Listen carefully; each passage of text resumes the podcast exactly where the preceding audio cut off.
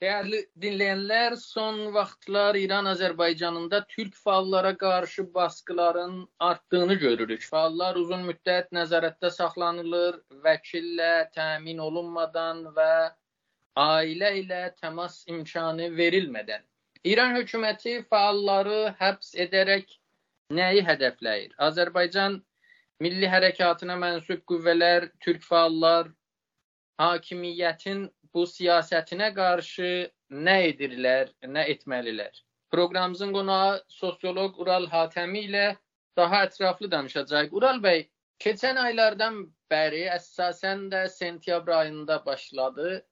Biz e, çox sayda fəalın həbs olunduğunu, onlardan əlavə bir də elə tək-tək görürük hökmlər, ağır həbs hökmləri də verilir. Öncə nə deyirsiniz? Ümumi düşüncəniz bu həbslərlə bağlı nədir? Oradan davam edək.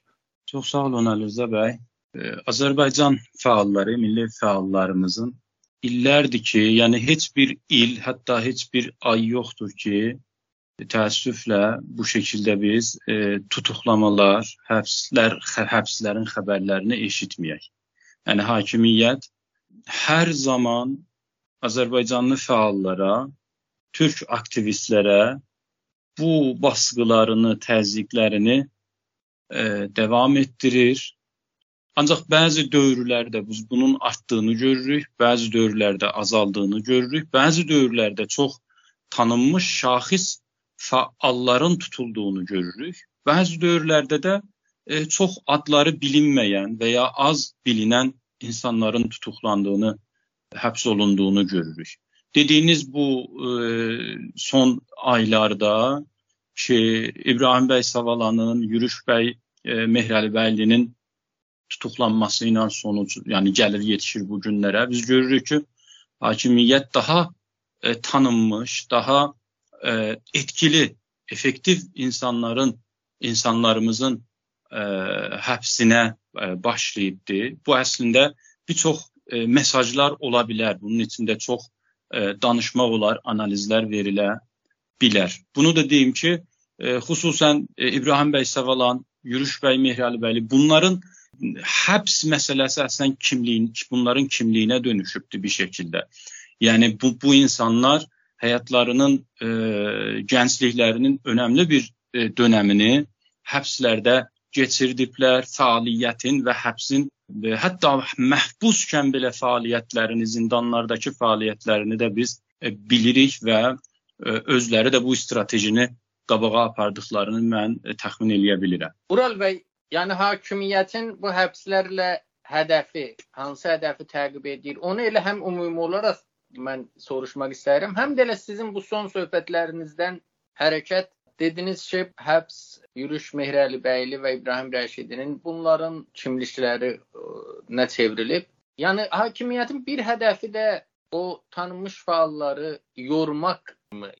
Birinci, yəni ikinci sualınıza belə cavab verim ki, e, son zamanlarda tutuklanan, e, həbsə həbs həbs olunan e, insanlarımız e, həbs məsələsi ilə yorulacaq insanlar deyillər. Yəni əgər bunlar yorulsaydılar, illər qabaq bu işi buraxardılar fəaliyyəti. Yəni həbs bunların ə, e, həyatlarının bir parçası kimidir artıq. Yəni biz bilirik ki, elə məhbusda, zindanda ikən belə zindanın içində bunlar fəaliyyət eləyirlər.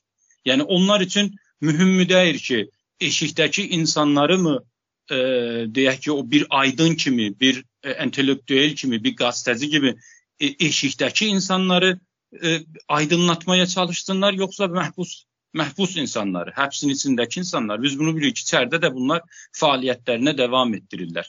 Birinci sualınıza gəlirsə, gəlsəm, e, bu həbslərin zamanına əgər baxsaq, yəni baxınız, qabaqda İranda bir seçkilər var, bir bu məsələ var.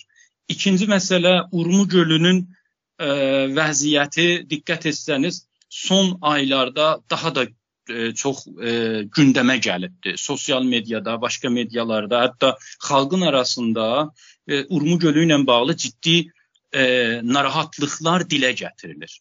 Yəni ola bilər ki, e, rejim bu e, Urmu gölü ilə bağlı bu e, narahatlıqların bir e, hər hansı bir e, kollektiv bir aksiyaya dönüşməsini təxmin edə bilər və bunun üçün bir sıra e, bizim e, fəallarımızı bu e, bunun üçün həbsə atmış ola bilər. Yəni bu bir təxmindir. E, ikincisi də ki, seçkilər, qabaqda bir seçkilər var. Bildiyiniz kimi İranda məclis seçkiləri var. Bu məclis seçkilərində hər zaman olduğu kimi diqqət edərsəniz, e, milli fəallarımız aktiv olaraq, yəni passivliyi ilə də bəzən aktiv o o aktiviteyi göstərərək e, təsirlərini buraxırlar. E, xalqın qatılmasında, qatılmamasında, xüsusən e, Qərbi Azərbaycandakı şərait e, şəraiti nəzərdə tutaraq hakimiyyət bu səbəbdən də son aylarda bu e, milli fəalların e, tutuqlanmasındakı bu artışını eləmək olar üstündə danışıla və dardışıla. Deyirsiniz bu fəallar xüsusilə də son dövrəm tutulan fəalları yormaq mümkün deyil. Amma onlar da olmasa çünki fəallar da sadəcə özləri deyil. Bunların ailəsi var, onların baxması gərəkən ailələri var. Yəni e, yəni hakimiyyət bir nöqtədə o istədiyi hədəflərə çatması sizcə mümkün deyilmi? Mənim mənim Əlizə bəy görüşüm budur ki, hakimiyyətin lap çox qorxduğu şey ardıcıl və planlı fəaliyyətdir. Yəni ardıcıl və planlı fəaliyyət eləyən fəallardır. İkinci məsələ. Yəni ola bilər ki, bir müddət bəzi dostlarımızı, bəzi fəalları sosial mediada görməyək, amma bunlar əminik ki, arxada başqa işlər görürlər. Yəni bir, bir, bir stratejisi olan, dediyim kimi bir ardıcıl bir fəaliyyəti illərdən bəri yürütən, qabağa aparan insanlar və fəaliyyət şəkli hakimiyyətin ən böyük qorxduğu fəaliyyət şəklidir. Yəni e, baxdığınız zaman da tutuq bu son zamanlarda tutuqlananlar e, çoxu elə bu cürdür. Yəni bir, bir, bir ardıcıl bir fəaliyyət var, bir plan var. Fərd olaraq e, siyasi fəaliyyətlərində bir o, o planlarını e, hətta görmək olur. Ona görə bir təxmin də mənim şəxsi təxminim budur ki, hakimiyyət bu insanların, yəni İranın e, əmniyyəti qüvvələrinin, ittilaat olsun, ayrı qüvvələr olsun, bunların e, bu şəkildə fəaliyyət eləyən insanların e, dosyalarını, pərvəndələrini fərqli bir kateqoriyada bunlar ələ alırlar. Yəni heç bir zaman bu bu bu e, fa, bu bu şəkildə fəaliyyət edən insanlarımızı e, bu əmniyyəti qüvvələr bunların pərvəndələrini və ya dosyalarını e, tamamilə masalarından və ya raflarından qaldırmırlar. Bu onların dosyaları raflarda qalır.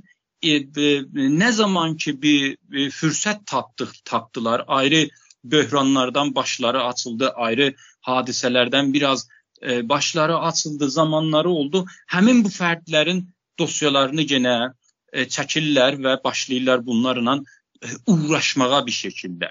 Yəni sizin də dediyiniz kimi e, yormaya da çalışırlar və ya bunlarla bunları tutuqlayaraq bunlardan etkilənən insanları e, təhdid etmək, toplumu təhdid etməyə e, çalışırlar təbii ki. Amma dediyim kimi, bu şəxslərin mənim şəxsi görüşüm budur ki, bu şəxslərin e, çoxunun e, üzərində bu təhdidlər e, çox da etkili olacaq, o çox da etkili olmaz məncə. Olsaydı illər qabaq, məsələn İbrahim Savalan və ya bunlar dediyim kimi bunlar həbs bunların həyatlarının bir parçası olubdu. Yəni elə arada bir gəlirlər götürürlər, şikəncə olurlar, ondan sonra təhdid olurlar, e, bütün e, kitablarını alıp götürürlər, e, kompüterlərini, bilgisayarlarını alıp götürürlər, əllərindən hər şeyləri alırlar, tazdan çıxırlar, tazdan fəaliyyət edirlər. Ona görə dediyim kimi, yəni bu nöqtəni unutmamalıyıq ki, bu tərz planlı fəaliyyət edən insanlar hakimiyyətin bir şəkildə o gözlərin gözündəki o daşdır ki, heç bir zaman çıxmır və o hakimiyyəti əziyyət eləyir bunlar. Çok sağ olun. Teşekkürler Ural Bey müsahibə üçün. Siz de sağ olun. Yorum yaz.